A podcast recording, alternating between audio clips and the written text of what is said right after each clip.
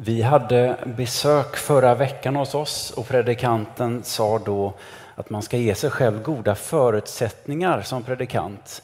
Så därför så nu när vi ber för kollekt och för predikan så får du som vill stå upp om du vill få lite blod i benen. Herre Jesus, tack för våra församlingar.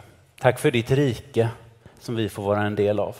Nu ber vi att gåvor som kommit församlingarna till del får bli till nytta för människor och för ditt rike i Skövde. Och vi tackar dig också helige Gud för ditt ord. Låt oss nu höra ditt tilltal genom mina ord i predikan och bland alla våra tankar där vi sitter. Tack helige Ande att du är vår hjälpare och vän. Nu ber vi, låt ditt rike komma, låt din vilja ske. Amen. Varsågoda och sitt ner. Jag heter alltså Anton Omnell. Jag är pastor i Immanuelskyrkan 150 meter åt det hållet. Och i vår församling så är vi just nu inte riktigt överens. Vi funderar på att göra en satsning, något vi inte gjort förut, som samtidigt, om jag hör församlingens på något sätt samlade röst, en del tycker det är spännande och roligt, andra är tveksamma till. Jag vet inte om det är så hos er i Elimkyrkan ibland att ni inte är överens? Att det är så i er familj? För 110 år sedan var det så. Jag återkommer till dig senare i predikan, Erik. Min kollega Anne och jag, vi har sagt de senaste veckorna att det är lite klurigt att predika nu. För vad ska vi välja för texter och vad det vi säger, hur ska det tas emot utan att det inte tolkas på något sätt som inte vi kanske menade? Det känns lite, ja, vad ska jag välja att predika om nu dessa dagar? Vad bra att vi ska vara i Elimkyrkan tänkte jag tidigare i veckan. Ni kanske har något spännande tema? Så jag ringer till Erik. Nej, inget tema alltså. Nej, okej. Okay. Då tar jag kyrkåret, för då slipper jag välja. Så idag mina vänner, den 14 söndagen efter trefaldighet, så ska jag tala till er utifrån temat enheten i Kristus. Det kändes förberett på många sätt. Men med er är det annorlunda, säger Jesus till sina lärjungar och till oss. Det han då berör det är frågan om makt. Lärjungarna de bråkar, vem är störst? Och så jämför Jesus med samhället, politiken, där vi är vana att förhålla oss till makt. Och så gör han precis som han brukar göra. Han vänder på det. Den största ska vara som den yngste. Inte i betydelsen omogen och oerfaren, utan den som är ledare ska se till den yngste. De som har makt ska se till de minsta. Och så säger han till dem, jag är mitt ibland er som en tjänare. Och då kan det vara lite roligt att veta att i grekiskan så är ordet för tjänare diakonos. Ordet vi har för diakon. Jesus säger, jag är mitt ibland er som en diakon. Man brukar sammanfatta att det som korrumperar, sliter isär och frestar oss människor till att göra sånt, det är pengar, sex och makt.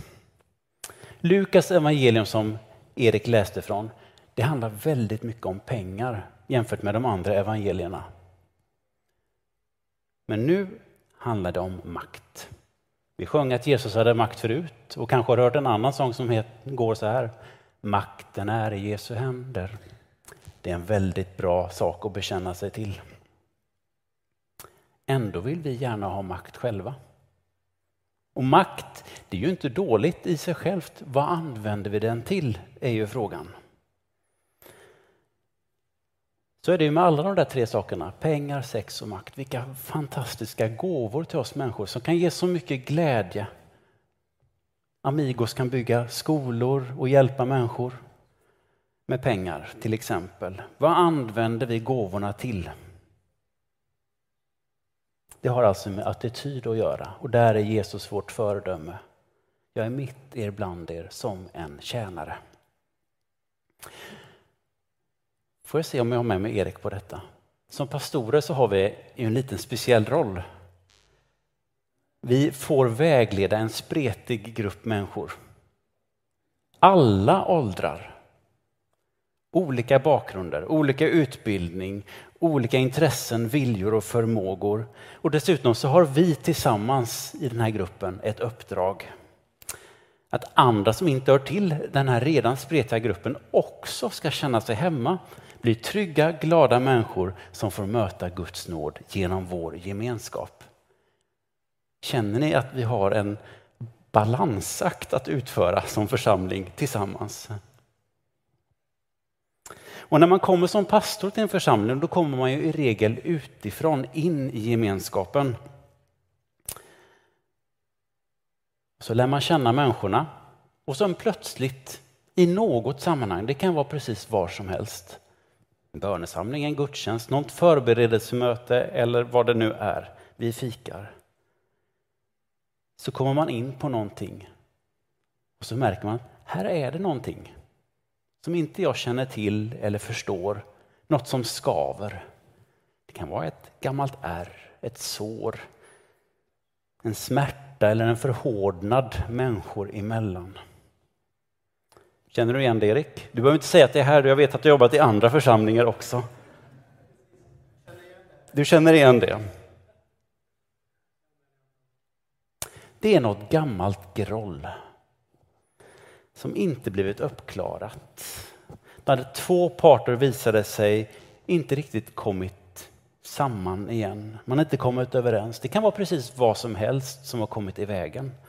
Jag vet en församling, inte här i Skövde, så ni behöver inte fundera, där ventilationen i byggnaden kom människor emellan. Och bryter man ner det så handlar det om pengar och makt. En person sa, jag kan ordna med ventilationen. Han fick makt. Det kostade pengar och så blev det inte så bra som de andra ville. Men med er är det annorlunda. Jag har ett bibelord som jag ofta stavar på. Sanningen ska göra er fria. Det är en väldig skillnad på det att lägga locket på. Och som pastor så kan man ibland få en väldig insyn i vissa sammanhang. Till exempel ett sorgesamtal inför en begravning. Då kan det komma fram sånt där som inte blivit uppklarat, där man la locket på. Och så sitter jag där som tredje part och ser, de är inte fria. Jag sitter där i lukten eller kanske till och med stanken av något gammalt groll som man stängde dörren mot och lämnade därhän och sen så finns det fortfarande där. Det kommer fram ibland. Och när det är så, då vill jag nästan med Paulus ord skrika. Ni är ju kallade till frihet. Hur blev det så här? Ni är kallade till frihet, skriver Paulus till oss församlingar, oss kristna. Och när han skriver så, då fortsätter han sen och det är Galaterbrevet. Låt bara inte den friheten ge köttet något tillfälle utan tjäna varandra i kärlek. Köttet är Paulus ord för alla våra dåliga instinkter och avsikter. Kanske pengar, sex och makt kan komma in där också på något sätt. Det finns frihet, använd det då för det goda, tjäna varandra i kärlek. Och jag sa innan att när Jesus säger jag är mitt ibland det som en tjänare så använder han diakonos.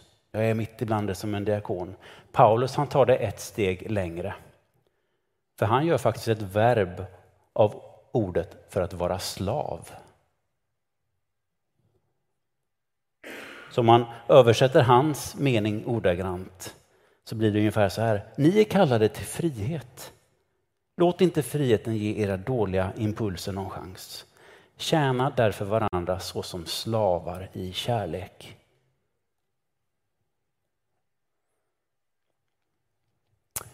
Enhet, det handlar inte om likriktning. Ibland luras vi till att tro det. Det handlar inte om att vi ska tycka, tro eller göra likadant. Hade det varit så så tror jag vi hade varit skapade mer lika. Dessutom hade världen varit fattigare för du hade inte varit du och du hade inte fått chansen att blomma ut till den fantastiska skapelse du är. I torsdags så hade vi en samling. Erik var där och Anders var där. Vi var i, på Skövde ekumeniska nätverk och vi var i Sankt Johannes kyrka, syrisk-ortodox församling i Södra Ryd. Fader George han berättade om deras gudstjänst, om liturgin, om hur de gjorde och, och tänkte och jag tänkte oj vad olika vi är. Hur olika vi gör, talar och prioriterar. Men sen gjorde vi någonting som vi gör i alla kyrkor, vi fikade. Och vid fikat så ställde jag frågan, hur lång är er gudstjänst? Ja, en och en halv timme ungefär, svarar han. Hur lång är er gudstjänst? Ja, i Immanuelskyrkan brukar det vara en timme ungefär och blir det en timme och tio minuter då kan man ana att några börjar skruva lite på sig i bänkarna. Ja, så är det hos oss också. Och då säger han så här att vi har en förenklad liturgi, en förenklad gudstjänst. Den är en och en halv timme lång, men våra gamla präster och våra äldre medlemmar, de vill att vi ska ha den gamla liturgin som är med på riktigt. Den är tre timmar lång. Sen gick vi varvet runt alla kyrkor. Och det slutade med att katolska kyrkan sa, oj, har vi kortast gudstjänst? Förra veckan i vår gudstjänst blev jag påminn om ett hjälpmedel som organisationer och kyrkor kan använda sig av. Tänk dig tre cirklar i varandra. Innerst så står det varför, i mellanringen står det hur och längst ut står det vad.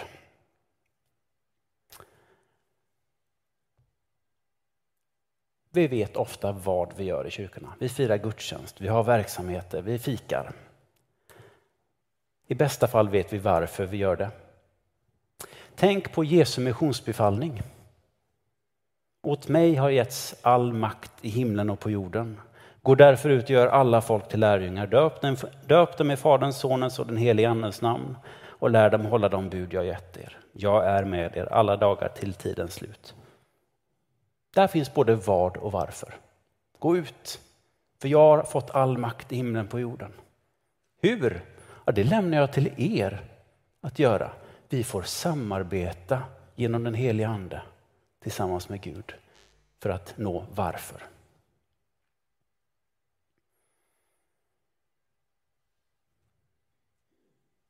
Vi vet varför. Alla människor behöver få höra och upptäcka att Guds kärlek genom Jesus Kristus är helt fantastisk. När samlingen var slut i syrisk-ortodoxa kyrkan så blev det så att fader George och jag pratade med varandra lite på slutet. Och han ställde frågan till mig, hur många är ni i er församling? Känner ni igen frågan? Är det många gamla? Och nu Har ni också svårt att samla unga människor? Och jag som tänkte, oj vad olika vi är förut, tänkte nu, åh vad lika vi är. Botemedlet mot oenighet det kan vara många saker. Men jag tror det börjar med en sån enkel sak som nyfikenhet. Följt av samtal och bön. Och det var det vi gjorde där. Vi var nyfikna på varandra, vi pratade och så bad vi tillsammans för Skövde om att människor ska få upptäcka Jesu kärlek. I församlingar så är vi ju mer lika varandra än om man gnuggas olika kyrkor mot varandra. Ändå så snubblar vi ofta på hur ska vi göra? Hur ska vi nå vårt gemensamma mål? Vi tänker olika, gillar olika, förmår olika. Men enhet är inte samma sak som likriktning. Och just eftersom vi är olika i våra församlingar så förmår vi fatta djupen, höjden, längden och bredden av Guds oändliga kärlek. Det var Paulus ord om du kände igen dem.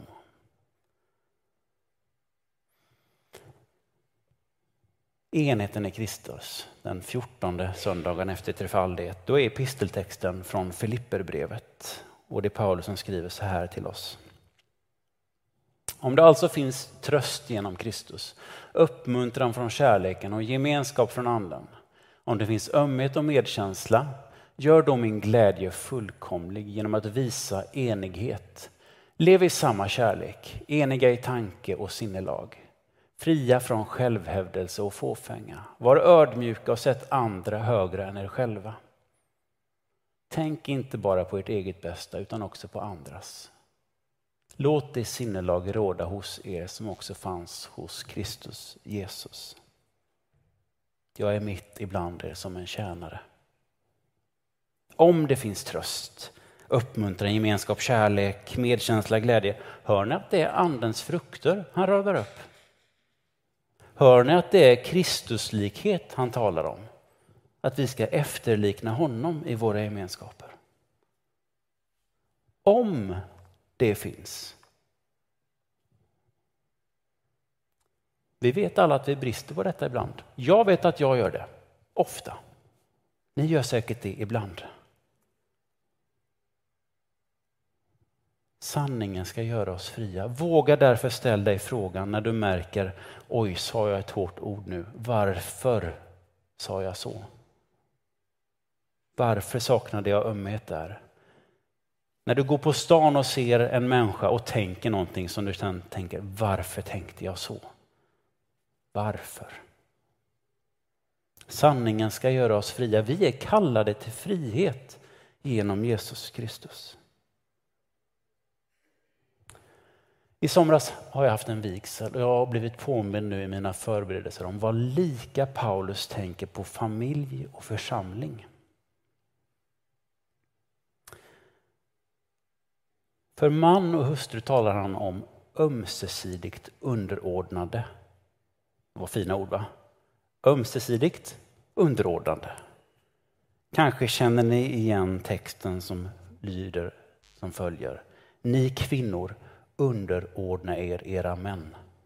Och ja, jag vet att den texten har missbrukats kraftigt av män som inte läst vidare. Ni män, älska era hustrur som Kristus älskat församlingen. Ömsesidigt underordnande. Med er är det annorlunda. Jesus han är modellen och förebilden för oss. Jag är mitt ibland er som en tjänare. Och det händer något när vi gör det. Det händer någonting när vi tjänar varandra i kärlek, när vi betjänar världen med Jesu kärlek. Jesus han bad så här. Jag ber att de ska bli ett och att liksom du fader är i mig och jag i dig, också de ska vara i oss. Då ska världen tro att du har sänt mig. Nu vill jag avsluta med ett kort, kort vittnesbörd. I somras så bjöd Immanuelkyrkan, Elimkyrkan, Svenska kyrkan och Skogsrokyrkan in till väldigt enkla samlingar i Bologneparken. Det var samlingar riktade till oss. Och så hade vi en inbjudan till språkcaféet och till våra vänner från Ukraina som vi börjat möta. En kvinna från Ukraina sa så här. Jag vet att ni är från olika kyrkor. Men det känns inte så, det känns som en familj. Trots våra olikheter så hade vi enats om vad, hur och varför. Det gjorde någonting. Enheten i Kristus, slutligen. Svårt? Ja, ibland är det svårt. Hur löser vi det? Genom att stå bredvid varandra. Tillsammans med blicken fäst på Jesus. Han säger till oss, gå ut och gör alla folk till lärjungar. Och när vi pratar om det, då händer någonting. Det är alltså Guds kärlek till oss och vår kärlek till Jesus som förenar oss. Amen.